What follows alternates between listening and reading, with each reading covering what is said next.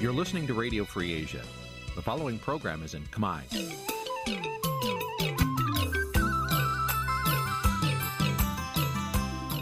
Nǐ ជាកម្មវិធីផ្សាយ Vuthu Azizi Serai នេះជាកម្មវិធីផ្សាយរបស់ Vuthu Azizi Serai ជាភាសាខ្មែរ Vuthu Azizi Serai សូមស្វាគមន៍លោកអ្នកនាងទាំងអស់ពីរដ្ឋធានី Washington នៃសហរដ្ឋអាមេរិក ចាប់ពីរដ្ឋធានី Washington នាងខ្ញុំម៉ៅសុធានីសូមជម្រាបសួរលោកអ្នកស្ដាប់ទាំងអស់ជាទីមេត្រីចាយើងខ្ញុំសូមជូនការផ្សាយសម្រាប់ព្រឹកថ្ងៃពុទ្ធ7កើតខែមករាឆ្នាំខាលចត្វាស័កពុទ្ធសករាជ2566ហើយដល់ត្រូវនឹងថ្ងៃទី30ខែវិច្ឆិកាគ្រិស្តសករាជ2022ជាកិច្ចចាប់ផ្ដើមនេះនាងខ្ញុំសូមអញ្ជើញលោកអ្នកនាងកញ្ញាស្ដាប់ព័ត៌មានប្រចាំថ្ងៃដែលមានមេត្តា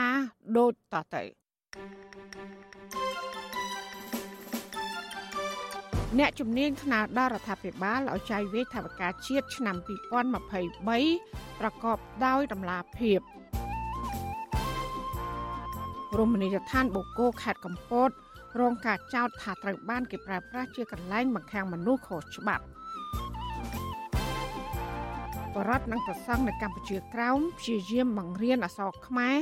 ដល់កុមារខ្មែរដើម្បីរក្សាអត្តសញ្ញាណជាតិពលករខ្មែរមួយក្រុមធ្វើការនៅប្រទេសថៃ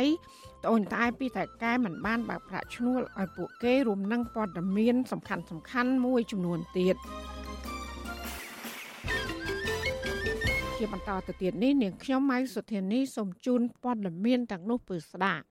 ចាលោកនាងជាទីមេត្រីអ្នកជំនាញផ្នែកវិទ្យាសាស្ត្រនយោបាយនិងកិច្ចការអន្តរជាតិ ចង់ឃើញការចាយវាយថវិកាជាតិឆ្នាំ2023ប្រកបដោយតម្លាភាពសំណុំពរនេះធ្វើឡើងក្រោយពីសភាឯកបៈកាលពីថ្ងៃទី29ខែវិច្ឆិកាម្សិលមិញបានអនុម័តថវិកាជាតិឆ្នាំ2023ដែលមានទឹកប្រាក់ជិត10,000លានដុល្លារហើយកើនឡើង13%បើធៀបទៅនឹងថវិកាជាតិឆ្នាំ2022ដែលមានទឹកប្រាក់ជាង8,000លានដុល្លារ ចាប់ពីរដ្ឋធានី Washington លោកទីនសាការីយ៉ារីកាព័ត៌មាននេះលោកជាមយៀបបានដឹកនាំសម័យប្រជុំសភាលើកទី8នៃនីតិកាលទី6នៃសភាឯកបៈនិងសមាជិកសភាចំនួន98រូបដោយសពមួយដងដែលរដ្ឋសភាបានយល់ព្រមអនុម័តសេចក្តីព្រាងច្បាប់តាមសំណើរបស់រដ្ឋាភិបាលដោយគ្មានការកែប្រែអ្វីនោះឡើយសភាឯកបៈបានអនុម័តសេចក្តីព្រាងច្បាប់ស្តីពីហិរញ្ញវត្ថុសម្រាប់ការគ្រប់គ្រងឆ្នាំ2023 ដោយសម្លេងទាំងមូលគឺ99សម្លេង។សេចក្តីព្រាងច្បាប់នេះមានចំនួន3ចម្ពោះនិង22មាត្រាថាវិការជាតិឆ្នាំ2023មានទឹកប្រាក់ចំនួនជិត10,000លានដុល្លារគឺកើនឡើងចំនួន13%ធៀបទៅនឹងថាវិការជាតិឆ្នាំ2022ដែលមានទឹកប្រាក់ជាង8,000លានដុល្លាររដ្ឋមន្ត្រីក្រសួងសេដ្ឋកិច្ចនិងហិរញ្ញវត្ថុលោកអូនពាន់មនីរតថ្លែងនៅក្នុងសភាថា ថាវិការនេះគឺដើម្បីរៀបចំការបោះឆ្នោតឆ្នាំ2023និងការប្រកួតកីឡាស៊ីហ្គេមដែលកម្ពុជាធ្វើជាម្ចាស់ផ្ទះលោកបន្តថាកម្ពុជារំពឹងថានឹងមានកំណើនសេដ្ឋកិច្ចចំនួន6.6%ធៀបនឹងឆ្នាំ2022កំណើនសេដ្ឋកិច្ចមាន5.4%កម្ពុជាគ្រោងនឹងខ្ចីបំណុលបរទេសប្រមាណជាង2000លានដុល្លារបន្ថែមពីម្ចាស់ជំនួយសម្រាប់បង្ក្រប់ថវិកាជាតិជិត10,000លានដុល្លារនេះ ពាក់ព័ន្ធនឹងច្បាប់ថាវិការជាតិនេះដែរអ្នកជំនាញផ្នែកវិទ្យាសាស្ត្រនយោបាយនិងកិច្ចការអន្តរជាតិលោកអែមសវណ្ណរាលើកឡើងថាលោកចង់ឃើញរដ្ឋាភិបាលចាយលុយជាតិប្រកបដោយតម្លាភាព ការងារជាតិមានសកម្មភាពកើនឡើងបានរៀងបង្កើនការចំណាយក៏ប៉ុន្តែខ្ញុំបារម្ភរឿងគេហៅថាការចាយវាយដោយតម្លាភាពបើយើងចាយវាយដោយតម្លាភាពប្រជាប្រដ្ឋទូទៅដូចជាមិនយល់ទាស់ឬក៏ទូមនោះនឹកទៅនឹងការចំណាយរបស់រដ្ឋាភិបាលទេឲ្យតែយើងចាយត្រឹមត្រូវព្រោះនេះជាកម្លាំងញើសឈាមរបស់ពលរដ្ឋណាបាទប្រហាក់ប្រហែលគ្នាដែរទីប្រឹក្សាសមាគមគ្រូបង្រៀនកម្ពុជាអាយក្រិចនិងជាប្រធានសហភាពសហជីពកម្ពុជាលោករងឈុន ស្នើដល់រដ្ឋសភាគួរតែបង្ហាញសេចក្តីព្រាងច្បាប់នេះឲ្យសាធារណជនបានដឹងឲ្យបានទូលំទូលាយមុននឹងសភាអនុម័តលោករងឈុនក៏សម្គាល់ថាបំណុលជាតិតែងតែកើនឡើងជារៀងរាល់ឆ្នាំហើយម្ចាស់បំណុលធំជាងគេរបស់កម្ពុជាគឺប្រទេសកុម្មុយនីសចិនលោកបញ្ជាក់ថាទោះជាបំណុលចិនស្រួលខ្ចីប៉ុន្តែលោកព្រួយបារម្ភថាបញ្ហាបំណុលនេះនឹងអាចធ្វើឲ្យកម្ពុជានិងបរតខ្មែរចំនួនក្រោយចម្ពាក់បំណុលចិនគ្រប់ចំនួន ហើយបើបំណុលចិនคล้ายជាបំណុលវ៉ាន់កនឹងអាចធ្វើឲ្យកម្ពុជាជួបហានិភ័យខ្ពស់ យើងឃើញហើយគំរូប្រទេសនៅក្នុងតំបន់នឹងដែលមានកម្ចីចិនវ៉ាន់ករកអវ័យសងគេប្រមាណហ្នឹងមានកាត់យកកំពង់ផែកាត់យកអីជាហោហាយអញ្ចឹងអញ្ចឹងយើងមានការព្រួយបារម្ភបើយើងនៅតែចិញ្ចឹម ចិត្តខ្ចីគេរហូតតែมันខិតខំប្រឹងកសាងនៅថាកំណើនសេដ្ឋកិច្ចរបស់ខ្លួនឯងតើតើនឹងការលើកឡើងនេះអគ្គលេខាធិការនឹងជាអ្នកនាំពាក្យរដ្ឋសភាលោកលេងបាញ់ឡុងលើកឡើងថាមូលហេតុដល់រដ្ឋសភាមិនទាន់បានបង្ហាញសេចក្តីព្រាងច្បាប់ទាំងនេះឲ្យទូលំទូលាយពីព្រោះទាំងរដ្ឋសភានិងរដ្ឋាភិបាលជាប់រវល់នឹងកិច្ចប្រជុំអន្តរជាតិធំធំដែលកម្ពុជាធ្វើជាម្ចាស់ផ្ទះនៃកិច្ចប្រជុំទាំងនោះលោកអះអាងថាចំពោះការចាយវាយលុយជាតិ រដ្ឋាភិបាលនឹងបញ្យលមករដ្ឋសភា នៅចុងឆ្នាំពលគឺនៅក្រៅពីរដ្ឋាភិបាលប្រើប្រាស់ថវិកានោះរួចរាល់ខ្ញុំទីនសាការីយ៉ាអស៊ីសេរីប្រធានីវ៉ាស៊ីនតោន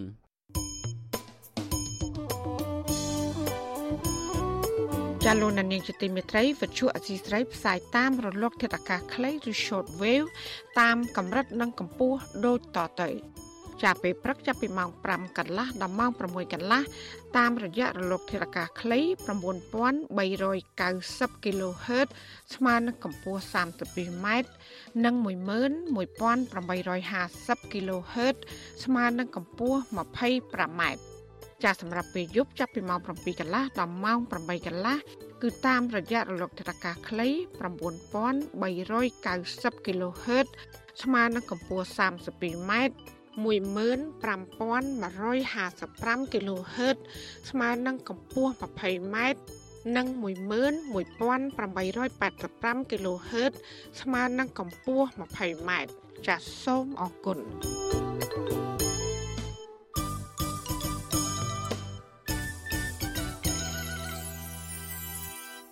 ចាលោកដានៀងកញ្ញាកំពុងស្ដាប់ការផ្សាយរបស់វិទ្យុអសីស្រីផ្សាយចេញពីរដ្ឋធានី Washington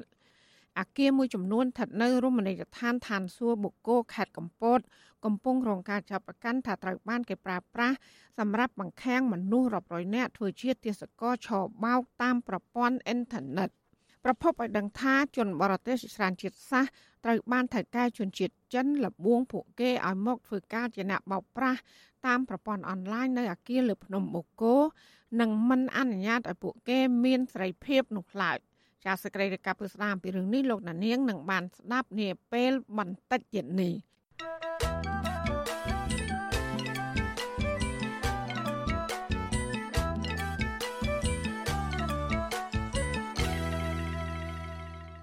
ចាលោកនាងជាទីមេត្រីសកម្មជនប្រៃឈើថាគម្របប្រៃឈើក្នុងដែនអភិរក្សបាត់បង់ជាបន្តបន្ទាប់សារការកាប់ទន្ទ្រានធ្វើជាកម្មសិទ្ធិផ្ទាល់ខ្លួនរបស់ឈ្មួញទុច្ចរិតនិងមន្ត្រីធំធំ មន្ត្រីសង្គមស៊ីវិលយល់ឃើញថាដើម្បីរក្សាគម្របព្រៃឈើឲ្យបានគង់វង្សលុះត្រាតែរដ្ឋាភិបាលលុបបំបាត់អំពើពុករលួយជាប្រព័ន្ធហើយត្រូវរឹបអូសដីពីអ្នកកាប់ទន្ទ្រានព្រៃឈើមកអភិរក្សឡើងវិញចាអ្នកស្រីសុជីវីរាយការណ៍ព័ត៌មាននេះ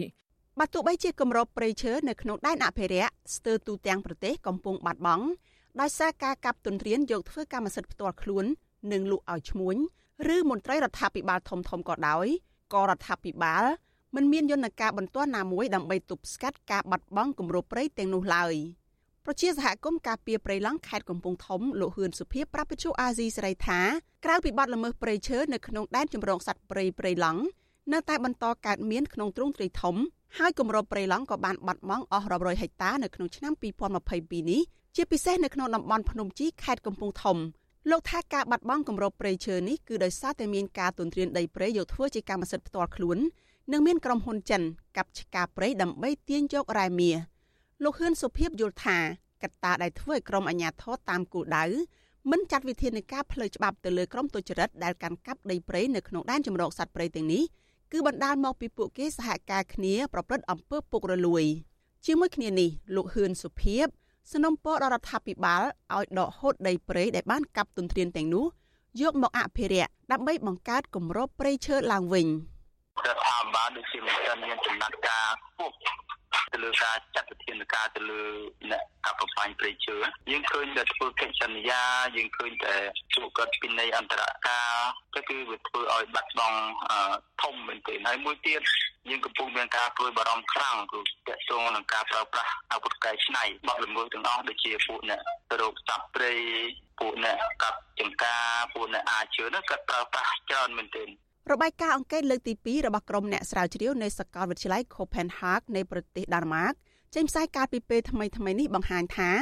កម្ពុជាបានបាត់បង់គម្របព្រៃឈើជាង140,000ហិកតាកាលពីឆ្នាំមុនក្នុងនោះការបាត់បង់គម្របព្រៃឈើនៅក្នុងដែនជម្រកសត្វព្រៃព្រៃឡង់បានកើនឡើង22%ព្រៃព្រះរកាកើនឡើង43%និងដែនជម្រកសត្វព្រៃសង់រុក្ខវ័នចំនួន47% វិទ្យុអាស៊ីសេរីមិនទាន់អាចតាក់ទងแนะនាំពាក្យក្រសួងបរិស្ថានលោកនេតភក្ត្រាដើម្បីសុំការអធិប្បាយជុំវិញបញ្ហានេះបានទេនៅថ្ងៃទី29ខែវិច្ឆិកាដោយទូរស័ព្ទហៅចូលតែពុំមានអ្នកទទួលកាលពីខែកញ្ញាកន្លងទៅអង្គការគំនិតផ្ដួចផ្ដើមសកលប្រឆាំងនឹងក្រតកម្មឆ្លងដែន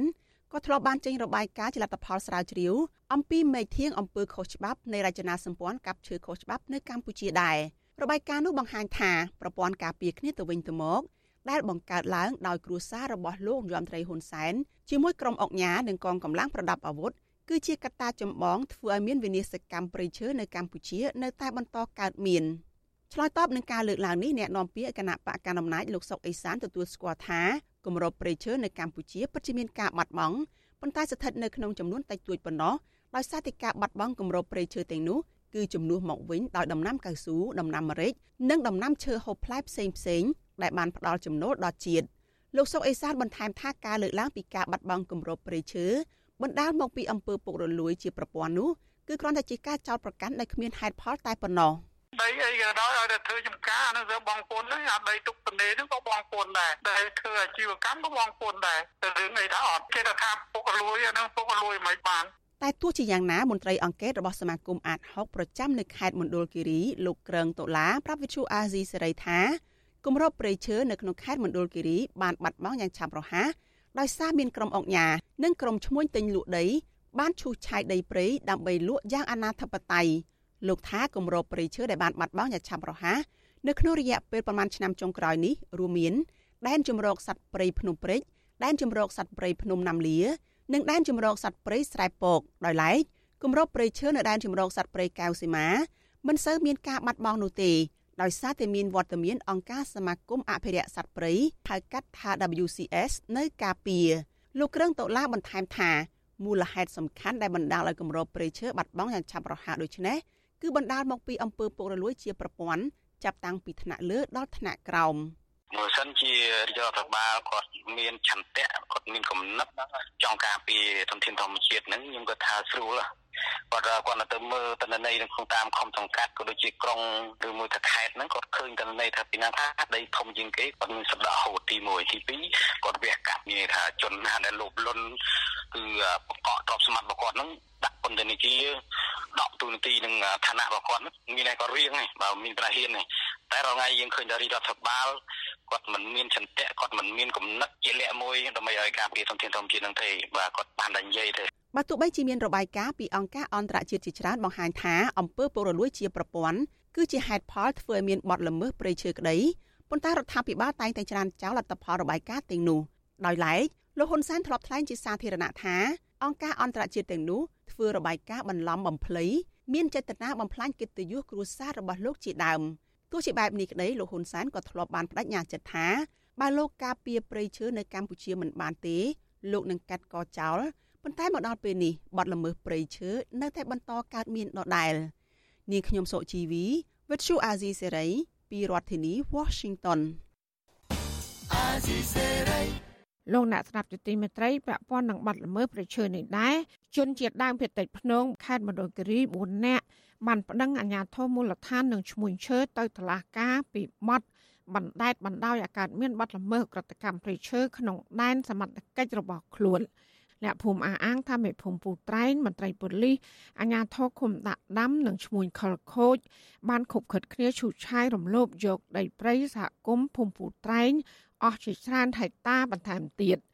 ជនជាតិដើមភាគតិចភ្នង4នាក់តំណាងឲ្យបរដ្ឋជាង300គ្រួសាររស់នៅភូមិពូត្រែងឃុំដាក់ដាំស្រុកអូរាំងខឹងសម្បាចំពោះទង្វើរបស់មេភូមិសមាជិកក្រុមប្រឹក្សាឃុំដាក់ដាំប៉ូលីសប៉ុស្តិ៍ដាក់ដាំនិងឈ្មួញដីម្នាក់ទៀតដែលបានខុបខិតគ្នាឈូសឆាយរំលោភយកដីព្រៃសហគមន៍ភូមិពូត្រែងមកធ្វើជាកម្មសិទ្ធិឯកជនបំពានច្បាប់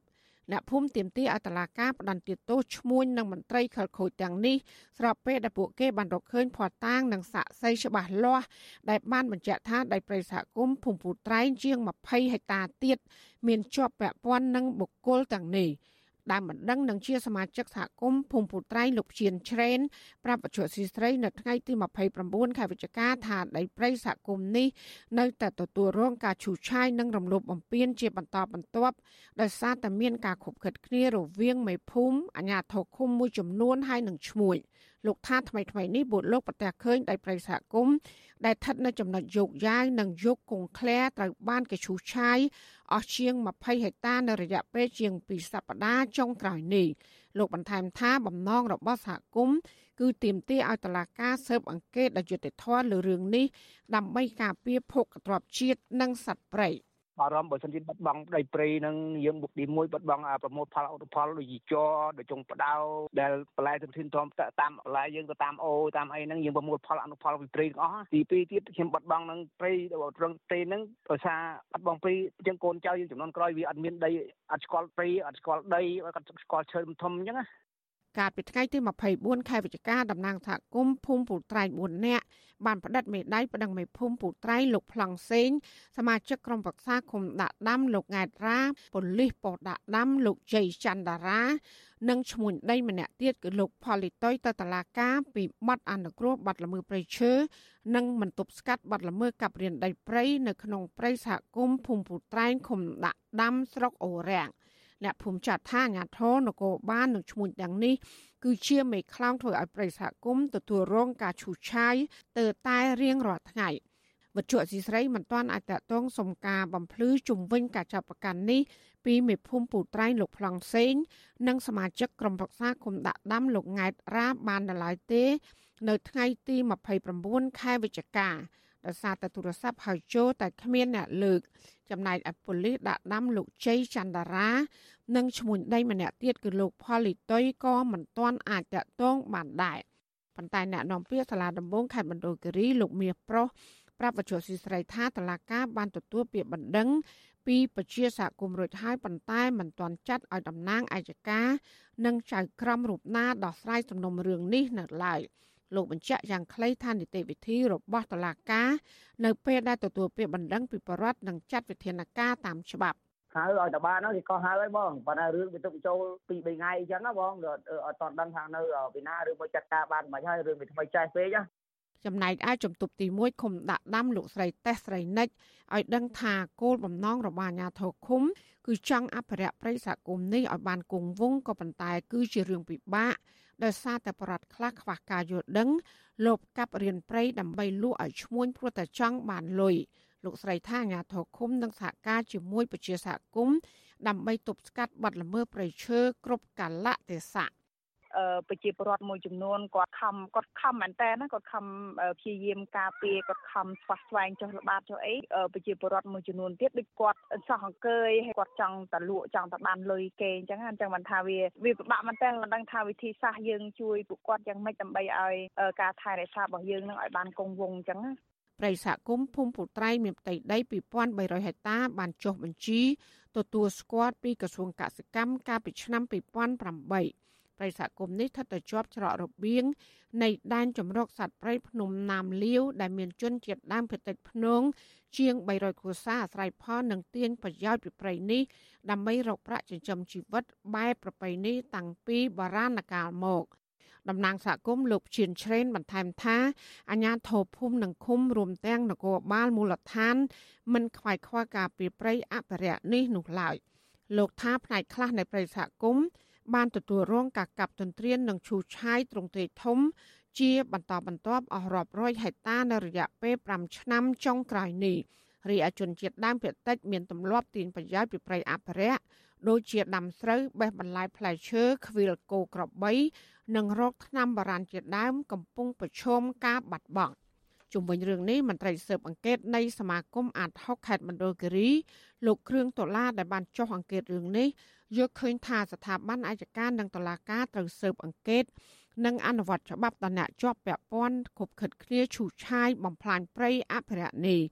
លោកចាត់ទុកថាពាក្យបណ្ដឹងនេះគឺជាជំរឿចុងក្រោយរបស់ប្រជាសហគមន៍ពីព្រោះពួកគាត់អស់ជំនឿលើអាជ្ញាធរពាក់ព័ន្ធក្នុងការអនុវត្តច្បាប់ព្រៃឈើ។ ចឹងខ្ញុំគិតថាតឡាការក៏ដូចជាព្រាញ្ញាក៏គួរតែមានវិធានការមួយដែលស៊ើបអង្កេតឲ្យជាក់លាក់ឲ្យច្បាស់លាស់រយុទ្ធធរជូនប្រជាពលរដ្ឋក៏ដូចជាជូនជាតិមេត្តាភូមិរបស់យើងដើម្បីឲ្យដោយសារប្រៃឈើបច្ចុប្បន្នគឺសេសសល់តិចបំផុតសម្រាប់ខេត្តរោគរីណាបាទមន្ត្រីសង្គមស៊ូវើរូបនេះបន្ថែមថាក្រុមឈ្មួញបន្តបោះបង្គោលព្រំ និងយកគ្រឿងចាក់ឈូសឆាយរំលោភយកដីព្រៃសហគមន៍បន្ថែមទៀត ក៏ប៉ុន្តែប្រជាសហគមន៍បានចុះហាមឃាត់ទាន់ពេលវេលា នៅព្រឹកថ្ងៃទី29ខែវិច្ឆិកាប្រិយសហគមន៍ភូមិពូត្រែងស្ថិតនៅក្នុងភូមិពូត្រែងឃុំដាក់ដាំស្រុកអូរាំងគឺជាតំបន់ខ្ពង់រាបប្រជុំកូនភ្នំហុំព័ទ្ធទៅដោយព្រៃឈើស្រស់បំព្រងតាក់ទាញភ្ញៀវទេសចរព្រៃអភិរក្សនេះមានទឹកជ្រោះ6កន្លែងនិងទឹកអូរធម្មជាតិខ្វាត់ខ្វែងអមទៅដោយសត្វព្រៃជាច្រើនប្រភេទកំពុងរស់នៅរួមមានសត្វកង្កោកស្វាឆ្លុះជ្រូកព្រៃប្រើ ហើយនឹងសត្វស្លាបជាច្រើនប្រភេទទៀត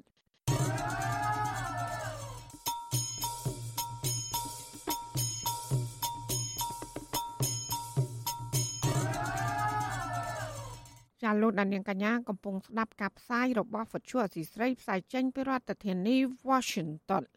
គ្រួសារសកម្មជនបពប្រឆាំងនៅតែរក្សាជំហរចេញតវ៉ាស្វែងរកយុត្តិធម៌ជូនសមាជិកគ្រួសាររបស់ពួកគេ ដែលកំពុងជាប់ឃុំក្នុងពន្ធនាគារទោះបីថារដ្ឋាភិបាលលោកហ៊ុនសែននៅមិនទាន់បានដោះលែងមុនការបោះឆ្នោតជ្រើសរើសតំណាងរាស្ត្រឆ្នាំ2023ខាងមុខក៏ដោយចាមន្ត្រីសិទ្ធិមនុស្សគាំទ្រសកម្មភាពតស៊ូដោយសន្តិវិធីក៏ប៉ុន្តែយល់ឃើញថាពលយុទ្ធធម៌សម្រាប់សកម្មជនបពប្រឆាំងអាចនៅវែងឆ្ងាយ ចាសសេចក្តីរាយការណ៍ពីស្ដាមពីរឿងនេះលោកណានៀងក៏នឹងបានស្ដាប់នាពេលបន្តិចទៀតនេះចាសសូមអរគុណ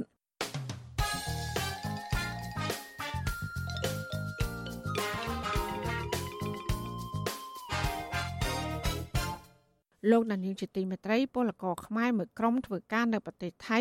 ត្អូញត្អែពីថៃកែដែលមិនបានបើកប្រាក់ឈ្នួលឲ្យពួកគាត់អស់រយៈពេល75ខែមកហើយហើយដែលធ្វើឲ្យប៉ះពាល់ដល់ជីវភាពប្រចាំថ្ងៃ។ មន្ត្រីសង្គមស៊ីវិលយល់ឃើញថារដ្ឋាភិបាល និងស្ថាប័នពាក់ព័ន្ធគួរបង្កើនការយកចិត្តទុកដាក់ដល់ពលករនិងព្យាយាមរក្សាទំនាក់ទំនងល្អក្នុងការដោះស្រាយបញ្ហាប្រឈមរបស់ពលករចា៎នេះគឺជាសកម្មភាពរបស់លោកលេងម៉ាលីជំនាញព័ត៌មាននេះដូចតទៅពលករខ្មែរធ្វើការផ្នែកសំណង់នៅប្រទេសថៃជាង10នាក់ជួបទុក្ខលំបាកក្នុងជីវភាពនិងគ្មានប្រាក់សម្រាប់ផ្ញើដល់គ្រួសារនៅកម្ពុជា។ ពួកគាត់លើកឡើងថាថៅកែជនជាតិថៃ តែងកុហកពលករជាប្រចាំរឿងថ្ងៃកំណត់សន្យាបើកប្រាក់ទាំងដែលមានកម្មករខ្លះគ្មានប្រាក់ដើម្បីទិញអាហារហូបចុកពលករនីដែលមានស្រុកកំណើតនៅស្រុកបវលខេត្តបាត់ដំបងលោកស្រីជែកអៀតប្រាប់ពធ្យុអស៊ីសេរីនៅថ្ងៃទី29វិច្ឆិកាថាលោកស្រីធ្វើការជាពលករសំណង់ពីអ្នកប្តីប្រពន្ធនៅខេត្តរយងជិត4ឆ្នាំហើយត្រូវថកែឆោបោកមិនបើកប្រាក់ពលកម្មសរុបប្រមាណ200,000បាត ស្មើនឹងជាង200លានរៀលលោកស្រីថាលោកស្រីគ្មានប្រាក់ដើម្បីដោះស្រាយជីវភាពគ្រួសារប្រចាំថ្ងៃនោះទេលោកស្រីបន្តថាកន្លងមកលោកស្រីធ្លាប់ទៅជូនដំណឹងដល់មន្ត្រីទូតដែរប៉ុន្តែនៅតែគ្មានដំណោះស្រាយអ្វីឡើយ។យើងធ្វើការនោះគឺអត់ឲ្យលុយគេបោកយើងហ្មងយើងមកពីនេះទៅដូចម៉ៅពូកបឿងពីកែថៃយើងមកពូការ៉ូយើងទៅដល់ថ្ងៃសងការសងអីសងងាន ដល់ថ្ងៃបាក់លុយក៏គាត់បាក់ឲ្យតែពេលយើងសួរទៅថាចាំថ្ងៃនេះចាំថ្ងៃនោះខ្ញុំគឺដាក់ដេញតាមកថាចាំអាទិត្យក្រោយអាទិត្យក្រោយខ្ញុំទេទៅទីក៏ថាចាំពី3ថ្ងៃតែពេលសប្ថ្ងៃក៏អត់បាក់លុយឲ្យសំបីតែមួយបាតថាបងពិបាកដែរហ្នឹងយើងមកស្រុកគេទៅពេលគេមិនឲ្យលុយយើងអត់មានប្រាក់មានអីហូបយើងទៅរត់រោប្អូនខ្ចីប្អូនថាតែពលករខ្មែរយើងមកស្រុកគេពេលគេបោកយើងវេទនាហ៎បងពលករម្នាក់ទៀតលោកប្រាក់សំអឿនថ្លែងថា ថាកែមិនបើកប្រាក់ឈ្នួលឲ្យលោកនិងពលករផ្សេងផ្សេងទៀតប្រមាណ10នាក់ហើយក្នុងម្នាក់ម្នាក់ដែលមិនទាន់បើកប្រាក់ទាបបំផុតជិត80000បាត ស្មើនឹង92លានរៀលលោកបន្តថាម្ចាស់សំណង់ជនជាតិថៃបញ្ជាក់ថាខ្លួនបានបើកប្រាក់ទាំងអស់ទៅឲ្យអ្នកម៉ៅការជនជាតិថៃអស់ហើយប៉ុន្តែអ្នកទទួលម៉ៅការមិនព្រមបើកឲ្យពលករ លោកអំពីវនីដល់រដ្ឋាភិបាលនិងស្ថាប័នពាក់ព័ន្ធឲ្យយកចិត្តទុកដាក់គិតគូរនិងគាំពៀពលករដើម្បីយកប្រាក់ដោះស្រាយជីវភាពគ្រួសារនិងផ្ញើទៅឪពុកម្ដាយនៅកម្ពុជា។ គេវាមិនអោយលុយខ្ញុំផងបងធ្វើការយើងក៏ទៅធ្វើការតាមធម្មតានោះហើយវាហៅទៅយើងយើងសនេការងារយើងក៏ទៅជួយលុយវាថាថ្ងៃទី5និងថ្ងៃទី20វាចេញឲ្យដល់ឡោះហើយខ្ញុំធ្វើខ្ញុំធ្វើបានដល់ថ្ងៃទី5ហើយនិងថ្ងៃទី20ខ្ញុំក៏លើយើងបកគលការងារនឹងឲ្យគេដែលយើងធ្វើហើយណាដល់ពេលបកគលការងារទៅឲ្យគេវាថាលុយនឹងលុយវាអត់អត់ទាន់ចេញចេញថ្ងៃទី6ទី7ទី8ទី9ទី10ចឹងទៅបាទវាអត់ព្រមឲ្យយើង5ខែហើយអូច្រើនឥឡូវគេចេញនាំគ្នាចេញដល់រកការថ្មីមកអស់ហើយក៏លុយដល់រត់តកែថ្មីធ្វើតកែគេនោះគេចាយហើយតែអានោះដែលរ៉ាប់តនោះមកវាមិនព្រមចាយយើងចេះក្រមពលករលើកឡើងថាពួកគាត់កំពុងសន្សំប្រាក់ដើម្បីត្រឡប់ទៅកម្ពុជាទៅចូលរួមការបោះឆ្នោតនៅឆ្នាំ2023ខាងមុខលោកថាលោកនឹងជ្រើសរើសមេដឹកនាំណាដែលគិតប្រយោជន៍ពលរដ្ឋនិងពលករនិងមិនប្រព្រឹត្តអំពើពុករលួយ ទន្ទឹមគ្នានេះដែរពលករនៅប្រទេសថៃក៏បានត្អូញត្អែអំពីការពិបាកស្វែងរកការងារធ្វើមួយរយៈចុងក្រោយនេះវិទ្យុអាស៊ីសេរីមិនអាចតាក់ទងស្ថានកុងស៊ុលខ្មែរប្រចាំប្រទេសថៃផ្នែកពលករដើម្បីសុំសេចក្តីអធិប្បាយជុំវិញរឿងនេះបានទេនៅថ្ងៃទី29វិច្ឆិកាដោយសារទូរស័ព្ទហៅចូលគ្មានអ្នកទទួលប៉ុន្តែកាលពីថ្ងៃទី28វិច្ឆិកាអ្នកនាំពាក្យក្រសួងការងារលោកហេងសួរថ្លែងប្រាប់សារព័ត៌មានក្នុងស្រុកថា មូលហេតុដែលនៅប្រទេសថៃខ្វះការងារធ្វើ3ខែចុងក្រោយនេះគឺមកពីការកំងទិញនៅតាមក្រុមហ៊ុន មានការធ្លាក់ចុះហើយក្រុមហ៊ុនជាច្រើន បានបន្ថយម៉ោងធ្វើការ និងកាត់បន្ថយបុគ្គលិកលោកអំពីវនីវដល់ពលករនៅប្រទេសថៃឲ្យត្រឡប់ទៅកម្ពុជាវិញប្រសិនបើពួកគេគ្មានការងារហើយលោកនឹងចុះបញ្ជីស្វែងរកការងារឲ្យធ្វើទោះបីមានការឆ្លើយតបនឹងសម្របសម្រួលរបស់ក្រសួងការងារបែបនេះក្តីប៉ុន្តែពលករមួយចំនួនលើកឡើងថា ប្រាក់កម្រៃការងារនៅប្រទេសកម្ពុជាមិនអាចទប់ទល់ការចំណាយប្រចាំថ្ងៃបាននោះទេព្រោះតម្លៃទំនិញគ្រប់ប្រភេទមានតម្លៃខ្ពស់ដែលមិនមានតុល្យភាពនឹងចំណូលកម្មករឡើយជុំវិញរឿងនេះមន្ត្រីគម្រោងនៃអង្គការសង្ត្រាល់ប្រចាំនៅប្រទេសថៃលោកលឹងសុផុនមានប្រសាសន៍ថាករណីនេះលោកបានចុះទៅដល់កន្លែងដែលពលកររស់នៅនិងធ្វើការរួចហើយ។ លោកថាលោកបានសម្របសម្រួលជាមួយថៅកែហើយថៅកែសន្យាថានឹងបើកប្រាក់ឲ្យពលករនៅចុងខែវិច្ឆិកាប៉ុន្តែរហូតមកដល់ពេលនេះពលករទាំងនោះមិនទាន់ទទួលបានប្រាក់ឈ្នួលនៅឡើយទេលោកលឹងសុផុនអំពាវនាវដល់ពលករឲ្យបន្តទៀមទាប្រាក់ឈ្នួលការងាររបស់ខ្លួនមកវិញហើយស្ថាប័នពាក់ព័ន្ធត្រូវរកដំណោះស្រាយដល់ពលករ តកែគាត់ថាគាត់នៅតែអះអាងថាគាត់នឹងព្យាយាមបើកឲ្យអញ្ចឹងណាទល់មកដល់ពេលនេះខាងពលករដែលលក្ខណៈរាប់ម៉ៅហ្នឹងគាត់មិននៅតែមិនទាន់បានលុយកាក់គាត់នៅឡើយទេម្នាក់ម្នាក់ដែលប្រហែលថា4 5នាក់ដែលគាត់រាប់ម៉ៅហ្នឹងតកែខ្លះគាត់ខ្លាចអំណាចរដ្ឋច្រើនជាងអំណាចរបស់ខាងឯកជនដូចជាខាង NGO ខាងមូលនិធិហើយផ្សេងផ្សេងអញ្ចឹងណាបាទហើយសូមឲ្យពលករខ្មែរយើងក្តីពលករបរទេសក្តីសូមឲ្យគាត់ចេះសាមគ្គីគ្នាហើយផ្ដល់ដំណឹងទៅស្ថាប័នពាក់ព័ន្ធផ្សេងផ្សេងព្រោះកន្លងមកដែលយើងធ្វើការសហការចឹងទៅពលករកន្លែងខ្លះដែលគាត់មានសាមគ្គីក៏ថកែគេបើកឲ្យទៅតែនៅពេលដែលឃើញយើងមិនសូវចេះសាមគ្គីគ្នាមិនសូវផ្ដល់ដំណឹងឲ្យដល់ខាងដែលក្រសួងពាក់ព័ន្ធហ្នឹងទៅចង្ការគាត់ចោលទៅចង្ការគាត់ទៅរកកន្លែងផ្សេងអញ្ចឹងណាកន្លងមកពលករទៅធ្វើការនៅប្រទេសថៃតែងរងនៅអំពើហិង្សាចាញ់បោកគេ គ្រោះថ្នាក់ចរាចរណ៍ការកេងប្រវ័ញ្ចនិងការគំរាមកំហែងពីថៅកែពលករមួយចំនួនក៏ត្រូវថៅកែចោទប្រកាន់រហូតដល់ជាប់ពន្ធនាគារក៏មាន។ ពលករតែងអំពាវនាវដល់ស្ថានកុងស៊ុលខ្មែរនៅប្រទេសថៃឲ្យជួយពួកគាត់ប៉ុន្តែមិនសូវមានការយកចិត្តទុកដាក់និងរកដំណោះស្រាយជូនពួកគាត់ឡើយរបាយការណ៍របស់ក្រសួងការងារឲ្យដឹងថាបច្ចុប្បន្នមានពលករខ្មែរជាង1លាន2សែននាក់កំពុងធ្វើការនៅប្រទេសថៃប៉ុន្តែរបាយការណ៍របស់អង្គការសង្ត្រាល់បង្ហាញថាមានពលករខ្មែរកំពុងធ្វើការដោយស្របច្បាប់ និងមិនស្របច្បាប់នៅប្រទេសថៃប្រមាណ2លាន5សែននាក់ ហើយភ្នាក់ច្រើនពួកគាត់កំពុងជួបបញ្ហាផ្នែកសេដ្ឋកិច្ចប្រជាពលរដ្ឋនិងមន្ត្រីសង្គមស៊ីវិលស្នើដល់រដ្ឋាភិបាល និងស្ថាប័នពាក់ព័ន្ធឲ្យយកចិត្តទុកដាក់ដល់ពលករនិងសម្របសម្រួលក្នុងការធ្វើឯកសារនានាទាក់ទងនឹងការឆ្លងព្រំដែននិងតាមកន្លែងធ្វើការក្នុងប្រទេសថៃខ្ញុំបាទលេងម៉ាលីវិទ្យុអាស៊ីសេរីពីរដ្ឋធានី Washington thank you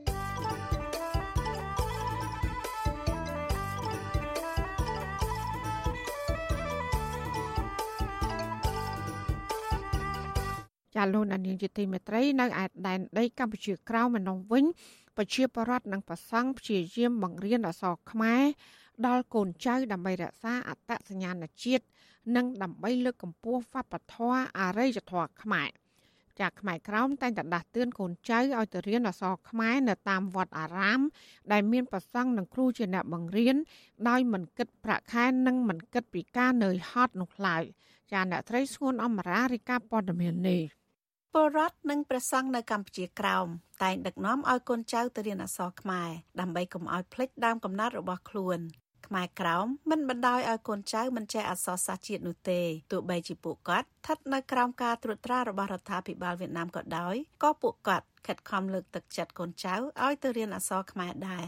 ព្រះសង្ឃខ្មែរក្រោម ដែលតែងជួយបង្រៀនអក្សរខ្មែរដល់កុមារនៅកម្ពុជាក្រោមព្រះភិក្ខុចៅញាន មានធរៈនៃការប្រាប់វិទ្យុអស៊ីសេរីនៅព្រឹកថ្ងៃទី28ខែវិច្ឆិកាថាព្រះអង្គតែងឆ្លៀតពេលទំនេរបង្ហាត់បង្រៀនអក្សរខ្មែរដល់កុមារខ្មែរដែលបានមករៀននៅវត្តរំដួលទួលសុភីព្រះអង្គយល់ថាអក្សរសាស្ត្រជាតិជាគ្រឿងកំណត់សម្គាល់អត្តសញ្ញាណរបស់ជាតិនីមួយៗហើយបើអក្សររលត់ជាតិនឹងរលាយព្រះអង្គជំរុញឲ្យឪពុកម្ដាយត្រូវនាំកូនមកសិក្សាអក្សរខ្មែរឲ្យបានគ្រប់គ្នាដើម្បីកុំឲ្យអក្សរខ្មែរបាត់បង់និងជាការដឹងគុណដល់ដូនតា ដែលខំរក្សាអក្សរសាស្ត្រជាតិទុកមកដល់សប្តាហ៍ថ្ងៃ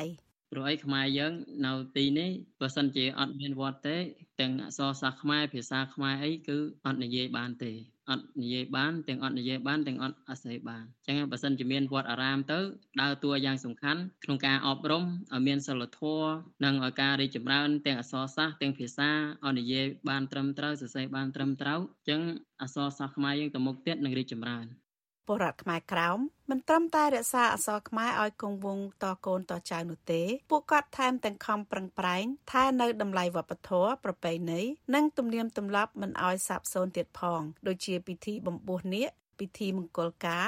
បុណ្យចូលឆ្នាំភ្ជុំបិណ្ឌនិងបុណ្យកឋិនជាដើមចំណែកព្រះសង្ឃមួយអង្គដែលកំពុងសិក្សានៅសាកលវិទ្យាល័យមួយក្នុងទីក្រុងព្រៃនគរព្រះភិក្ខុចៅដូរ៉នមានធរៈដីកាថា ព្រះអង្គសិក្សាមុខជំនាញអក្សរសាស្ត្រនិងវប្បធម៌ខ្មែរព្រះអង្គជ្រើសរើសមុខវិជ្ជានេះដោយសារស្រឡាញ់និងចង់ថែរក្សាព្រលឹងរបស់ជាតិឲ្យបានគង់វង្សភិក្ខុរូបនេះមានធរៈដីកាទៀតថាព្រះអង្គនឹងយកចំណេះជំនាញទៅសាបព្រោះដល់កុមារខ្មែរក្រោមឲ្យចាប់អារម្មណ៍ចំពោះអក្សរខ្មែរកាន់តែច្រើនថែមទៀតដើម្បីលើកស្ទួយអក្សរសាស្ត្រជាតិ សិស្សណាសិស្សណាក៏ដោយសាលាណាសាលាណាក៏ដោយគឺបង្រៀនទាំងអស់មកពីគ្នាគាត់គឺចិត្តតែសិស្សចំនួនរបស់សម្ដេចនៅឡើយនឹងអារឿងវិស័យអសរសាស្ត្រខាងផ្នែកខាងហ្នឹងគឺគឺរឿងហ្នឹងបងរឿងរឿងមែនតើទាំងពីរភាសាហ្នឹងតែគាត់រឿងណានៅកម្ពុជាក្រោមអក្សរខ្មែរភាគច្រើន បើកបង្រៀនតែតាមវត្តអារាមប៉ុណ្ណោះចំណែកភូមិស្រុកដែលនៅឆ្ងាយពីវត្តអ្នកមិនបានបញ្ជូនកូនទៅរៀនឪពុកម្ដាយឬអាណាព្យាបាល ជាអ្នកបង្ហាត់បង្រៀនដោយផ្ទាល់នៅផ្ទះ ពលរដ្ឋខ្មែរក្រៅម្នាក់ដែលមានស្រុកកំណើតនៅខេត្តព្រះត្រពាំងជាអ្នកនាំភ្ញៀវទេសចរនិងធ្លាប់ជាគ្រូបង្រៀនភាសាខ្មែរដល់ព្រះសង្ឃនិងយុវជនគឺលោកលឹមហ្វាងយ៉ាងឲ្យដឹងថាលោកត្រេកអរពេលដែលឃើញសាសានុសិស្សប្រឹងប្រែងរៀនអក្សរខ្មែរលោករំពឹងថាអក្សរសាស្ត្រខ្មែរនឹងរីកចម្រើននៅលើទឹកដីកម្ពុជាក្រោមហើយលោកជំរុញកូនខ្មែរត្រូវយកចិត្តទុកដាក់រៀនអក្សរខ្មែរឲ្យបានពូកែ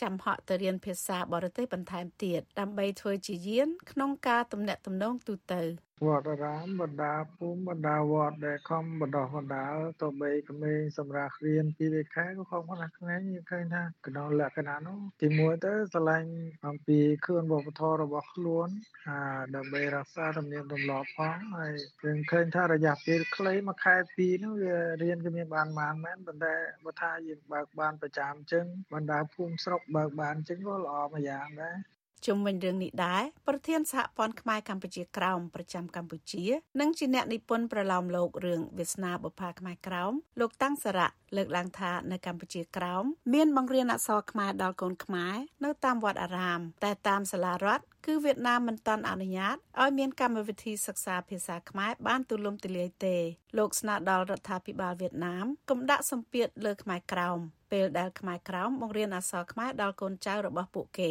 លោកលើកទឹកចិត្តឪពុកម្ដាយត្រូវជំរុញកូនឲ្យប្រឹងរៀនអក្សរខ្មែរទោះជាមានជីវភាពលំបាកយ៉ាងណាក៏ដោយមិនត្រូវបោះបង់អក្សរខ្មែរចោលទេ ដំបូងបង្អស់គឺសូមឲ្យមន្ត្រីសង្ឃនៅក្នុងដែនដីនៅកម្ពុជាក្រមណាត្រូវធ្វើម៉េចការជ្រើសរើសគ្រូឲ្យទោះបីជារៀននៅក្នុងសាលាវត្តនឹងក្តីក៏រើសគ្រូប្រសង់អង្គណាដែលលោកស្ទាត់សំខាន់គឺអក្ខរាវរុទ្ធហើយនឹងពាក្យពេចន៍របស់ខ្មែរចាំឲ្យទៅវិសា អាណានិគមបារាំងបានផ្ទេរទឹកដីខ្មែរកម្ពុជាក្រោមទាំង21ខេត្តនិងកោះចំនួន2ទៅឲ្យវៀតណាមគ្រប់គ្រងបន្តទាំងខុសច្បាប់កាលពីថ្ងៃទី4ខែមិថុនាឆ្នាំ1949បច្ចុប្បន្ននេះមានពលរដ្ឋខ្មែរក្រោមប្រមាណ10លាននាក់កំពុងរស់នៅក្រោមការត្រួតត្រារបស់វៀតណាម ពលរដ្ឋខ្មែរក្រោមដែលតែងតែចេញមុខបង្រៀនអក្សរខ្មែរដល់កូនខ្មែរក្រោមអ្នកខ្លះត្រូវអាជ្ញាធរវៀតណាមចោទប្រកាន់ថាមានគំនិតចង់រើបំរាស់ពីការគ្រប់គ្រងរបស់វៀតណាមដូចជាករណីលោកលីចិន្តាជាដើមដែលវៀតណាមចាប់ដាក់ពន្ធនាគារដោយសារលោកបើកសាលាបង្រៀនអក្សរខ្មែរនៅវត្តមួយក្នុងស្រុកព្រៃជាប់ខេត្តឃ្លាំងកម្ពុជាក្រោមនាងខ្ញុំស្ងួនអមរា Vichu Azisari ពីរដ្ឋធានី Washington thank you ចាលោកនាងជាទីមេត្រីវັດជុអសីស្រីសូមជូនដំណឹងថាយើងគ្មានអ្នកយកព័ត៌មានប្រចាំនៅប្រទេសកម្ពុជានោះឡើយបើសិនជាមានជនណាម្នាក់អះអាងថាជាអ្នកយកព័ត៌មានឲ្យវិទ្យុអសីស្រីនៅកម្ពុជានោះគឺជាការក្លែងបន្លំយកឈ្មោះរបស់វិទ្យុអសីស្រី ក្នុងគោលបំណងទុច្ចរិតរបស់បុគ្គលនោះចាសសូមអរគុណ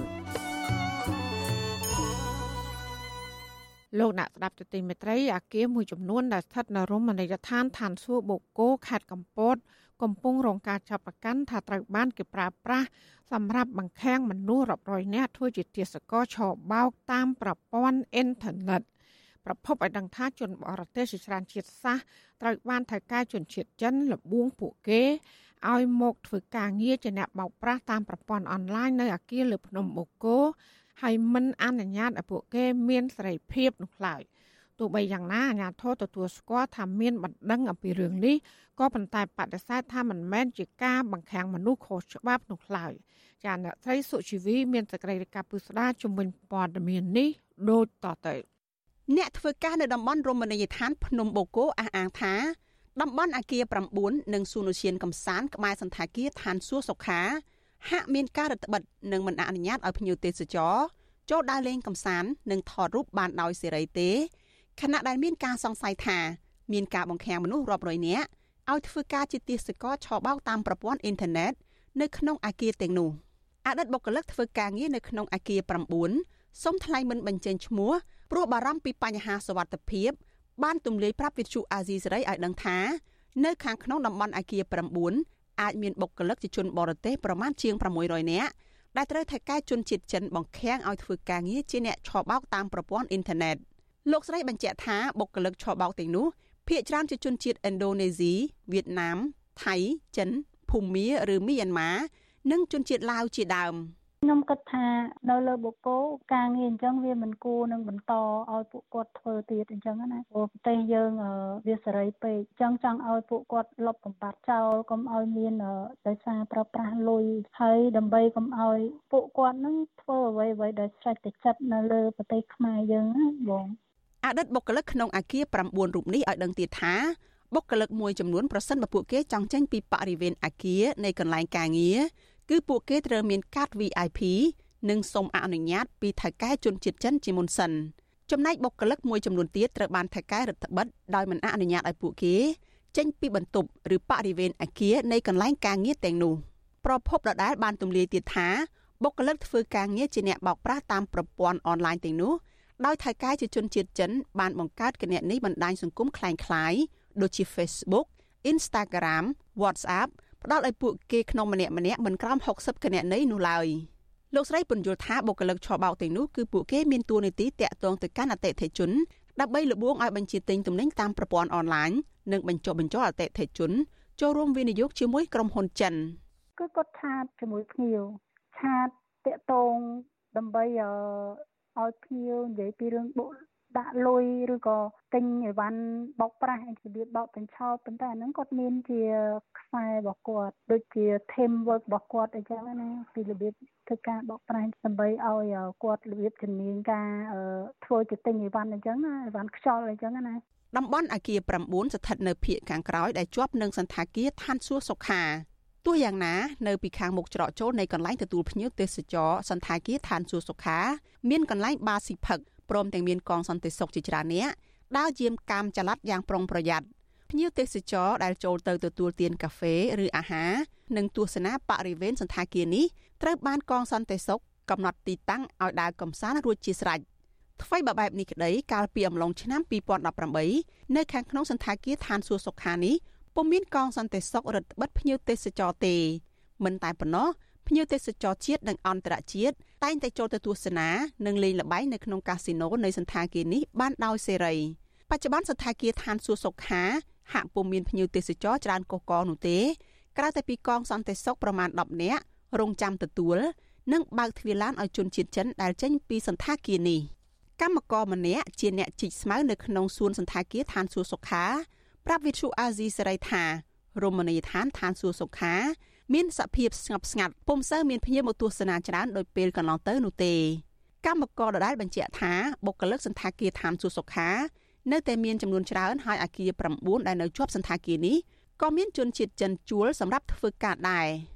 គេមានឡាញ់គេដេកមានតាបុគ្គលិកក្នុងនោះមានតាមកព្រោះចុងភៅចុងអីបុគ្គលិកមើលនេះមើលនោះយល់នៅបើអឺបងចង់យកព័ត៌មានហ្នឹងនិយាយមានសង្សុកយាមនឹងដែរ មានសង្សុកនឹងហើយមានមេតពីលើនឹងទៀតហើយមេច្រើនខ្ញុំចោះស្គាល់អស់មានចិនមានអីណាអតីតបុគ្គលិកធ្វើការនៅតំបន់អាគារ9បញ្ជាក់ថាដំបងឡើយក្រុមហ៊ុនឆោបោកជនជាតិចិននេះគឺមានមូលដ្ឋាននៅក្នុងខេត្តប្រសេះហនុប្រពន្ធដដែលបញ្ជាក់ទៀតថារហូតដល់ថ្ងៃទី23ខែកញ្ញាកន្លងទៅក្រុមថៅកែជនជាតិចិនបានប្រមូលសម្ភារៈការងារនិងបញ្ជូនបុគ្គលិកឲ្យមកធ្វើការនៅក្នុងអាគារនៅលើភ្នំបូកគូនេះ បញ្ហាហ្នឹងក៏ប៉ូលីសគាត់បានដឹងរឿងអញ្ចឹងហើយគាត់ក៏បានមូមកនៅបូកូបណ្ដោះអាសន្នសិនលោកស្រីនិយាយទៀតថាលោកស្រីបានចូលធ្វើការងារនៅក្នុងក្រុមហ៊ុនឆោបោកនេះបានត្រឹមតែជាង4ខែប៉ុណ្ណោះលោកស្រីបញ្ជាក់ថាពេលកំពុងបម្រើការងារលោកស្រីមានតួនាទីស្វែងរកបុគ្គលិកពីប្រទេសឥណ្ឌូនេស៊ីក្នុងមួយខែឲ្យបានពី3ទៅ5នាក់ដើម្បីមកបម្រើការងារជាអ្នកឆោបោកឲ្យក្រុមហ៊ុនចិន លោកស្រីត្រូវបានថៅកែបញ្ឈប់ពីការងារកាលពីចុងខែតុលាកន្លងទៅដោយសារតែមិនអាចរកបុគ្គលិកមកធ្វើការជាអ្នកឆោបោកតាមតម្រូវការរបស់ក្រុមហ៊ុនបានតំបន់អាគារ9មានអាគារចំនួន9ស្ថិតនៅក្បែរក្បែរគ្នាអាគារនីមួយៗមានកម្ពស់3ជាន់និងមានបន្ទប់ចំនួន78បន្ទប់អាគារមួយចំនួនដែលស្ថិតនៅក្នុងតំបន់នេះមានរបងព័ទ្ធជុំវិញអមដោយលួសបន្លានិងមានបំពាក់កាមេរ៉ាសវត្ថិភាពលើរបងជាច្រើន ចំណែកនៅខាងក្រៅរបងនៃចំណុចច្រកចេញចូលពីអាគារមានកងសន្តិសុខប្រមាណ10នាក់យាមកាមតឹងរឹងហើយពួកគេត្រៀមវិទ្យុតាក់ទងឬអាយកូមសម្រាប់តាក់ទងគ្នាជាស្រេចនៅពេលដែលមានមនុស្សប្លែកមុខចូលទៅកាន់តំបន់ក្បែរអាគារតំបន់អាគារ9នេះបើមើលតែមួយផ្លែតហាក់គ្មានមនុស្សរស់នៅទេហើយនៅតាមកញ្ចក់អាគារនីមួយៗត្រូវគេបិទបាំងវាំងននពណ៌សប៉ុន្តែអ្វីដែលគួរឲ្យកត់សម្គាល់នោះគឺចាប់តាំងពីព្រឹកមកអាគារនីមួយៗ សុទ្ធតែបើកម៉ាស៊ីនត្រជាក់ចោលហើយអ្នកដែលចេញចូលបរិវេណនេះគឺមានតែជនជាតិចិនតែប៉ុណ្ណោះវិទ្យុអាស៊ីសេរីមិនទាន់អាចតាក់ទងអុកញ៉ាសុកគង់ម្ចាស់សន្តាគារឋានសួគ៌សុខានិងតំបន់អាគារ9ដើម្បីសូមប្រតិកម្មឆ្លើយតបជុំវិញការចោទប្រកាន់នេះបាននៅឡើយទេវិទ្យុអាស៊ីសេរីក៏បានព្យាយាមតាក់ទងទៅអភិបាលខេត្តកំពតលោកម៉ៅធនិនដើម្បីសាកសួរអំពីរឿងនេះដែរក៏ប៉ុន្តែទូរស័ព្ទហៅចូលតែគ្មានអ្នកទទួលបាទទោះជាយ៉ាងណាស្នងការនគរបាលខេត្តកំពត លោកម៉ៅច័ន្ទមធុរិតប្រាប់វិទ្យុអាស៊ីសេរីថាកន្លងមកលោកធ្លាប់ទទួលបានពាក្យបណ្ដឹងពីអ្នកធ្វើការនៅលើភ្នំបូកគោនេះដែរក៏ប៉ុន្តែពេលលោកចាត់កម្លាំងជំនាញចុះទៅស្រាវជ្រាវគឺពុំមានការបង្ខាំងមនុស្សធ្វើទរណកម្មនោះទេលោកបញ្ជាក់ថាមូលហេតុដែលបុគ្គលិកជាជនបរទេសទាំងនោះប្តឹងមកសមត្ថកិច្ចថាមានការបង្ខាំងនឹងការធ្វើទរណកម្មពួកគេដោយសារជនបរទេសទាំងនោះចង់ចាក់ចេញពីកន្លែងការងារនៅលើខ្នងភ្នំបូកគោដើម្បីទៅធ្វើការនៅកន្លែងផ្សេងទៀត ក្រោយពេលយើងទទួលបានព័ត៌មាននៅបណ្ដឹងរបស់ជនបរទេសទាំងអស់គឺយើងចុះទៅដល់ទីតាំងកន្លែងកើតហេតុយើងអត់មានរកឃើញកន្លែងដែលបង្ខាំងមនុស្សខុសច្បាប់មិនមានការធ្វើទរណកម្មណាខ្ញុំសូមបញ្ជាក់ជូនប៉ុណ្ណឹងហេតុផលតែមួយដែលគាត់ប្តឹងគឺគាត់ចង់ទៅធ្វើការកន្លែងផ្សេងតែប៉ុណ្ណឹងថ្មីបើមេប៉ូលីសផ្កាយពីររូបនេះអះអាងបែបនេះក្តីក៏លោកមិនបានបកស្រាយលម្អិតត្រង់ចំណុចថាតើមូលហេតុអ្វីបានជាជនបរទេសទាំងនោះគ្រាន់តែចង់ចាក់ចេញពីកន្លែងការងារនៅលើភ្នំបូកូហើយពួកគេបែរជាដាក់បណ្ដឹងមកកាន់សមត្ថកិច្ច ថាត្រូវបានគេបង្ខាំងនិងធ្វើទរណកម្មទៅវិញបែបនេះតកតោះនឹងការបង្ខាំងមនុស្សធ្វើទរណកម្មនិងជួញដូរមនុស្សពីក្រុមហ៊ុនចិនកន្លងទៅ មានការចោទប្រកាន់ថាអុកញ៉ាក្រាក់ក្រាក់និងអ្នកជំនិតរបស់លោកហ៊ុនសែនជាប់ពាក់ព័ន្ធនឹងអំពើបង្ខាំងមនុស្សខុសច្បាប់នេះជាមួយគ្នានេះក៏មានការចោទប្រកាន់ដែរថាលោកហ៊ុនសែនធ្លាប់ទទួលបានផលប្រយោជន៍ពីអ្នកចំនួនជនជាតិចិនដែលមានអាគារសម្រាប់បង្ខាំងមនុស្សនៅក្នុងខេត្តព្រះសីហនុ អនុប្រធានអចិន្ត្រៃយ៍នៃគណៈកម្មាធិការជាតិប្រយុទ្ធប្រឆាំងអំពើជួញដូរមនុស្សអ្នកស្រីជូប៊ុនអេងប្រាប់វិទ្យុអាស៊ីសេរីថាការចោទប្រកាន់ថាមានក្រុមមន្ត្រីអង្គការដែលមានទំនាក់ទំនងជាមួយជនជាតិចិនចាប់បង្ខាំងមនុស្សនិងជួញដូរមនុស្សនៅកម្ពុជាគ្រាន់តែជាការចោទប្រកាន់ដែលគ្មានភ័ស្តុតាងច្បាស់លាស់តែប៉ុណ្ណោះត្រង់ចំណុចនេះអ្នកស្រីបញ្ជាក់ថាអាញាធរកម្ពុជាមិនអាចបើកការស៊ើបអង្កេតលើអ្នកទាំងនោះទៅតាមតម្រូវការនៃមជ្ឈដ្ឋាននានាដែលចោទប្រកាន់នោះទេ ព្រោះអ្នកស្រីថាកម្ពុជាមានច្បាប់ត្រឹមត្រូវហើយតុលាការក៏កំពុងបន្តនីតិវិធីរកអ្នកដែលពាក់ព័ន្ធ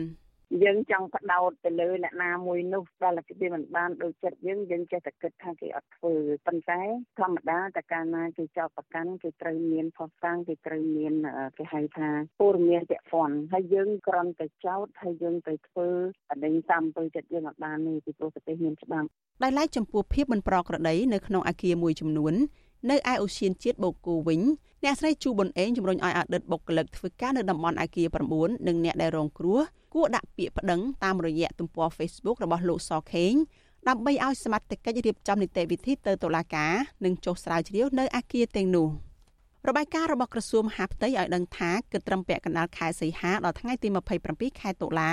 សមត្ថកិច្ចទទួលបានសំណើពីជនរងគ្រោះជិត600ករណី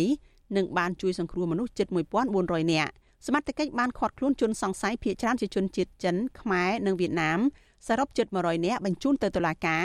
និងបិទក្រុមហ៊ុនចំនួន5ទីតាំងផ្អាកអាជីវកម្មក្រុមហ៊ុន4ទីតាំងដើម្បីបន្តស្រាវជ្រាវជុំវិញរឿងនេះអ្នកខ្លោមើលការរំលោភសិទ្ធិមនុស្សនៃអង្គការ Liga do ប្រចាំខេត្តកំពតលោកប៉ែនវុធាយល់ថារដ្ឋាភិបាលនិងអាជ្ញាធរមូលដ្ឋានគួរតែចុះអធិការកិច្ចស្រាវជ្រាវដើម្បីរកឲ្យឃើញការពិតថាតំបន់អាគារមួយចំនួននៅឧស្សាហជាតិភ្នំបូកូ ពិតជាមានបុគ្គលិកកំពុងធ្វើការដោយខុសច្បាប់ឬយ៉ាងណាហើយបើសិនជាយកយល់ទៅលើថាទីតាំងជារបស់អ្នកនេះអ្នកនោះអញ្ចឹងតើការអនុវត្តច្បាប់ហើយនឹងការបង្ក្រាបទៅលើបទល្មើសដែលខុសច្បាប់ហ្នឹងវាវាមិនអាចថមថយបានទេថ្មីត្បិតអាជ្ញាធរបានជួយសង្គ្រោះជនបរទេសរាប់រយនាក់បញ្ជូនទៅប្រទេសកំណើតពួកគេវិញជាបន្តបន្ទាប់យ៉ាងណាក្តីមកទល់ពេលនេះរដ្ឋាភិបាលនៅតែមិនទាន់រកឃើញមេខ្លោងធំធំជាប់ពាក់ព័ន្ធនឹងការបង្ខាំងនិងជួញដូរមនុស្សនេះដើម្បីបង្ហាញឲ្យមហាជនបានដឹងនៅឡើយ ត្បិតមេខ្លោងទាំងនោះអាចជាមនុស្សបម្រើផលប្រយោជន៍ដល់គណៈបកប្រជាជនកម្ពុជា និងរដ្ឋាភិបាលរបស់លោកហ៊ុនសែនជាងនេះទៅទៀតស្របពេលដែលកម្ពុជា នៅតែជាប់ឈ្មោះជាប្រទេសដែលមានអំពើពុករលួយជាប្រព័ន្ធនិងមានអំពើនីតិរដ្ឋភាពផងនោះអ ுக ្រិតកម្មជួញដូរមនុស្សនិងការបង្ខាំងមនុស្សដោយខុសច្បាប់នេះទំនងរដ្ឋាភិបាលលោកហ៊ុនសែននឹងមិនងាយដោះស្រាយឲ្យមានប្រសិទ្ធភាពនិងលុបបំបាត់ឲ្យសាបរលាបពីកម្ពុជាឡើយនាងខ្ញុំសុជីវី Vithu Azizi Serai ពីរដ្ឋធានី Washington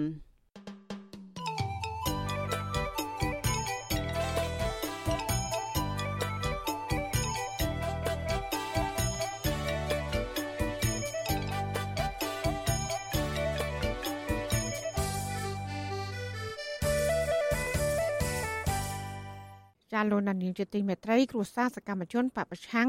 នៅតែរក្សាជំហរចាញ់តវ៉ាស្វែងរកយុត្តិធម៌ជូនសមាជិកគ្រួសាររបស់ពួកគេ ដែលកំពុងជាប់ពន្ធនាគារទោះបីជារដ្ឋាភិបាលលោកហ៊ុនសែននៅមិនទាន់បង្ហាញឆន្ទៈស្ដារប្រជាធិបតេយ្យនិងដោះលែងអ្នកទាំងនោះមុនការបោះឆ្នោតជ្រើសតាំងតំណាងរាស្ត្រនៅឆ្នាំ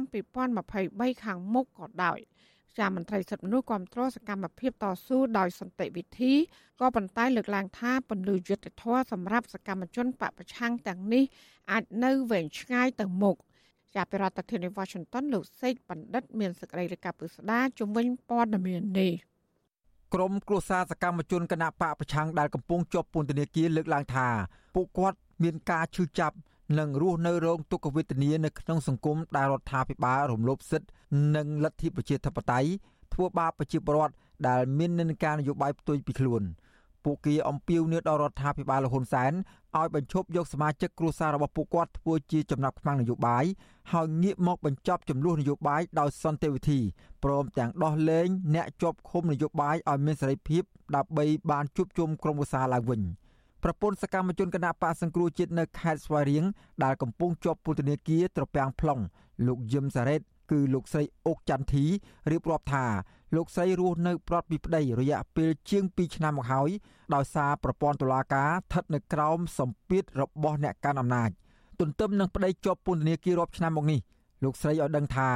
គ្រប់សកម្មភាពដែលប្រពន្ធនិងកូនកូនរបស់សកម្មជនគណៈបកប្រឆាំងចេញតស៊ូមតិប្រឆាំងនឹងអំពើអយុត្តិធម៌នៅក្នុងសង្គមម្ដងម្ដងតែងតែរងការធ្វើទុកបុកម្នេញគ្រប់រូបភាពពីសំណាក់អាជ្ញាធរនៅតាមទីសាធារណៈហើយអាជ្ញាធរពន្ធនាគារវិញ បានចាត់វិធានការបំបិទសិទ្ធិសេរីភាពរបស់អ្នកទោសមនសិការដែលធ្វើឲ្យប៉ះពាល់ដល់ផ្លូវចិត្តពួកគាត់គួរឲ្យព្រួយបារម្ភ លោកស្រីអុកចន្ទធីសោកស្ដាយចំពោះរដ្ឋាភិបាលលហ៊ុនសែនដែលខ្វះការទទួលខុសត្រូវដោះស្រាយបញ្ហាប្រជាធិបតេយ្យនិងការគោរពសិទ្ធិមនុស្សនៅមុនការបោះឆ្នោតតបតាមការស្នើសុំរបស់គ្រួសារអ្នកជាប់ឃុំ និងប្រទេសប្រកាន់លទ្ធិប្រជាធិបតេយ្យកាលពីពេលថ្មីថ្មីនេះលោកស្រីថាទោះបីរហូតមកដល់ពេលនេះមិនទាន់មានដំណោះស្រាយផ្នែកនយោបាយក៏ដោយក៏ពួកលោកស្រីនៅមិនទាន់អស់សង្ឃឹម ឬរៀថយនោះទេ ក្នុងការធ្វើសកម្មភាពរកយុទ្ធធរដល់ក្រមគូសានៅតាមបណ្ដាស្ថាប័នជាតិនិងស្ថានទូតនានារហូតមានការដោះលែងពួកគាត់ឲ្យមានសេរីភាពឡើងវិញដោយគ្មានលក្ខខណ្ឌ កម្មជននយោបាយទាំងអស់មិនទាន់បានទទួលភាពយុត្តិធម៌ប្រអីការជាប់ឃុំរបស់ពួកគាត់ទាំងអស់គ្នាគឺជាប់ឃុំដោយអយុត្តិធម៌គឺដោយសារថាការឃុំឃាំងរបស់ពួកគាត់តឡាការកាត់ទោសគាត់ដោយគាត់អត់មានកំហុសអីសោះជាការបដិទ្ធជាការ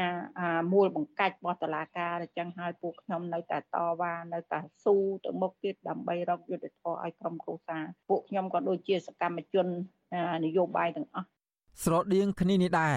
ប្រពន្ធមន្ត្រីគណៈបកសង្គ្រោះជាតិម្នាក់ទៀតដែលកំពុងជាប់ពន្ធនាគារនៅព្រៃសរលោកគង់ម៉ាស់គឺលោកស្រីកុលសាទប្រាប់បទសុអសីសីថា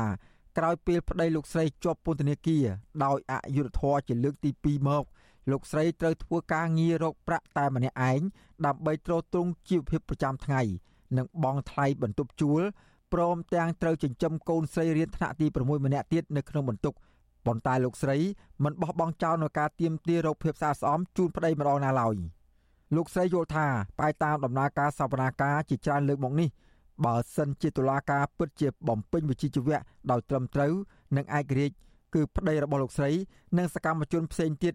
នឹងរួចផុតពីការចោទប្រកាន់នៅថ្ងៃសវនាការនាពេលខាងមុខនេះប៉ុន្តែលោកស្រីមិនសង្ឃឹមថាតុលាការនឹងផ្ដល់យុត្តិធម៌ឡើយពីព្រោះសំណុំរឿងនេះកើតចេញពីចំនួននយោបាយ ការគេយកគាត់ចាប់គាត់ទៅឃុំខ្លួនរហូតដល់លើជិត2ឆ្នាំហើយហើយក៏សកម្មភាពលើកពេលរហូតសម្រាប់ខ្ញុំវា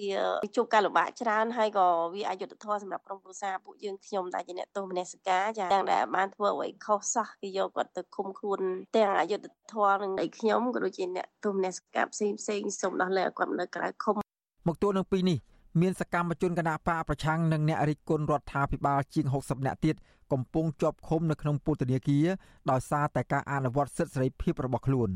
ពួកគាត់ភ័យច្រើនត្រូវបានអាជ្ញាធរចាប់ឃុំខ្លួនជាបន្តបន្ទាប់កាលពីដើមឆ្នាំ2020តុលាការបានចោទប្រកាន់ពួកគេដូចដូចគ្នាពីបទរួមគំនិតក្បត់ញុះញង់ឲ្យយោធិនមិនស្ដាប់បង្គាប់ញុះញង់ឲ្យប្រព្រឹត្តបទឧក្រិដ្ឋជាអាតនិងញុះញង់ឲ្យមានភាពវឹកវរធ្ងន់ធ្ងរដល់សន្តិសុខសង្គមជាដើម វត្តសុអសីស្រីនៅពុំទាន់អាចតាក់ទងប្រធានអង្គភិបអ្នកណាំពាក្យរដ្ឋាភិបាលលោកផៃស៊ីផាននិងអ្នកណាំពាក្យក្រសួងយុទ្ធភ័ពលោកជិនម៉ាលីនដើម្បីបញ្ជាក់ជុំវិញរឿងនេះបានទេនៅថ្ងៃទី29ខែវិច្ឆិកា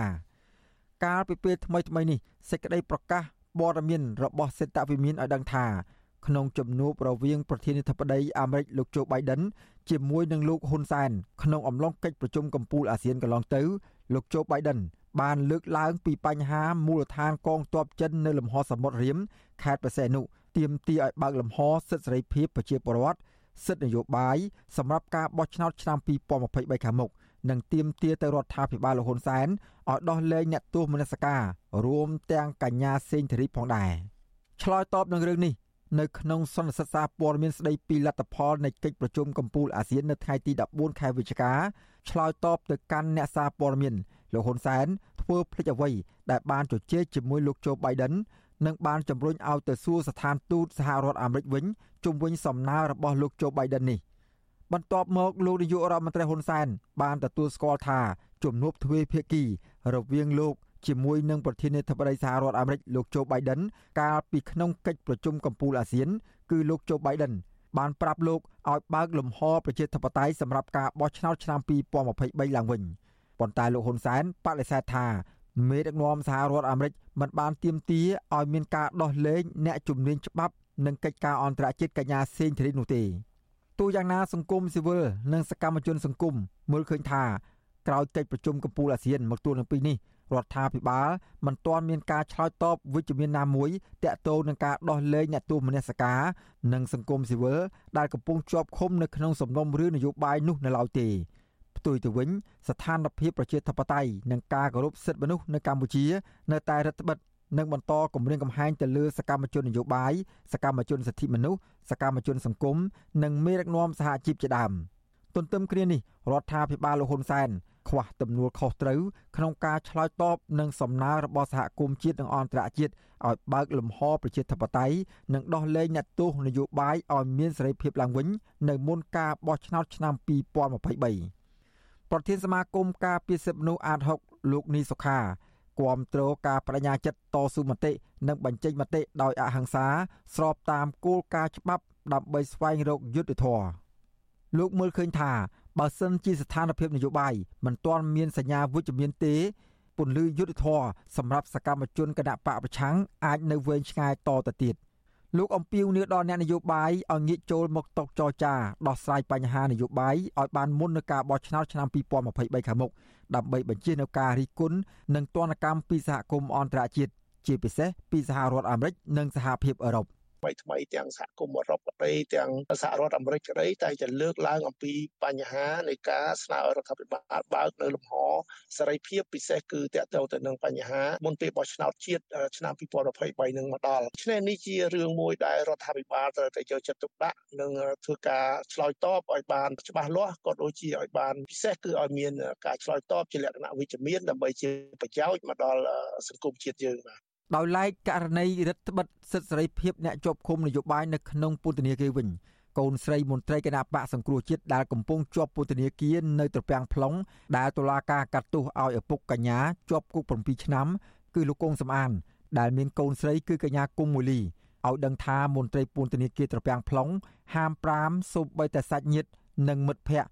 ឬបងប្អូនបង្កើតរបស់អ្នកទោសមនសិការក៏មិនអាចចូលសួរសុខទុក្ខបានឡើយ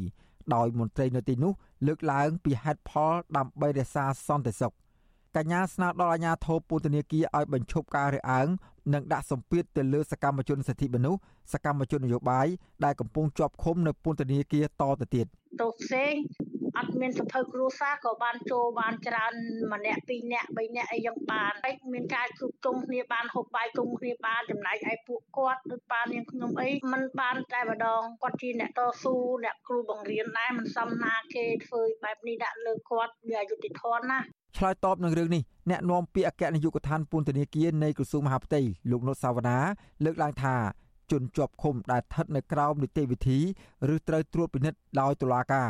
និងប្រព្រឹត្តទោសកំហុសធ្ងន់ធ្ងរអាជ្ញាធរត្រូវរឹតបន្តឹងជាងជនជាប់ឃុំធម្មតាដើម្បីការពារសន្តិសុខលោកបន្តថាបើសិនជាមន្ត្រីអង្គការក្រៅរដ្ឋាភិបាលឬស្ថាប័នផ្សេងទៀតមានបំណងចង់ចូលសួរសុខទុក្ខជនជាប់ឃុំ ត្រូវអនុវត្តតាមគោលការណ៍របស់ក្រសួងមហាផ្ទៃចំណែកក្រមគ្រួសារវិញគឺស្ថិតនៅលើការសម្រេចចិត្តរបស់មន្ត្រីនៅតាមពន្ធនាគារក៏ប៉ុន្តែលោកនុតសាវណ្ណាជំរុញឲ្យគ្រួសារសកម្មជនគណៈបកប្រឆាំងដាក់លិខិតស្នើទៅក្រសួងមហាផ្ទៃដើម្បីដោះស្រាយរឿងនេះយើងអត់មានគោលការណ៍បែងចែកជនជនគុំប្រភេទណាដែលត្រូវរត់ទាំងទេជួនកាលនៅគោលដៅនឹងផ្ទាល់អឺមន្ត្រីពន្ធនាគារនៅគោលដៅហ្នឹងគាត់ ជាអ្នកវិនិច្ឆ័យគាត់ជាអ្នកសម្រេចផ្ទាល់ថាតើគួរឲ្យជួបឬមិនជួបគួរឲ្យក្នុងកម្រិតណាមួយទៅអាហ្នឹងគឺពួកគាត់មានសិទ្ធិសម្រេចផ្ទាល់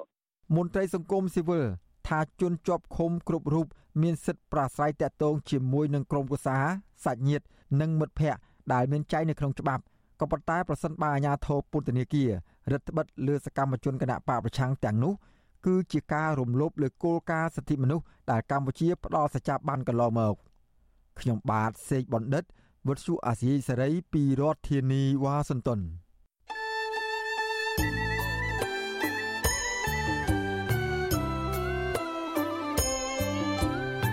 ចាលោកនាងកញ្ញាអ្នកស្ដាប់ជទីមេត្រីកັບផ្សាយរយៈពេល1ម៉ោងនៃវិទ្យុអាស៊ីស្រីជាភាសាខ្មែរនៅពេលនេះចាប់តែប៉ុណ្ណេះ ចាយើងខ្ញុំទាំងអស់គ្នាសូមជូនពរលោកនាងព្រមទាំងក្រុមគូសាទាំងអស់សូមជួបប្រកបតែនឹងសេចក្តីសុខសេចក្តីចម្រើន ជានិរន្តរ៍ចានាងខ្ញុំម៉ៃសុធានីព្រមទាំងក្រុមការងារទាំងអស់នៃវិទ្យុអាស៊ីស្រីសូមអរគុណនិងសូមជម្រាបលា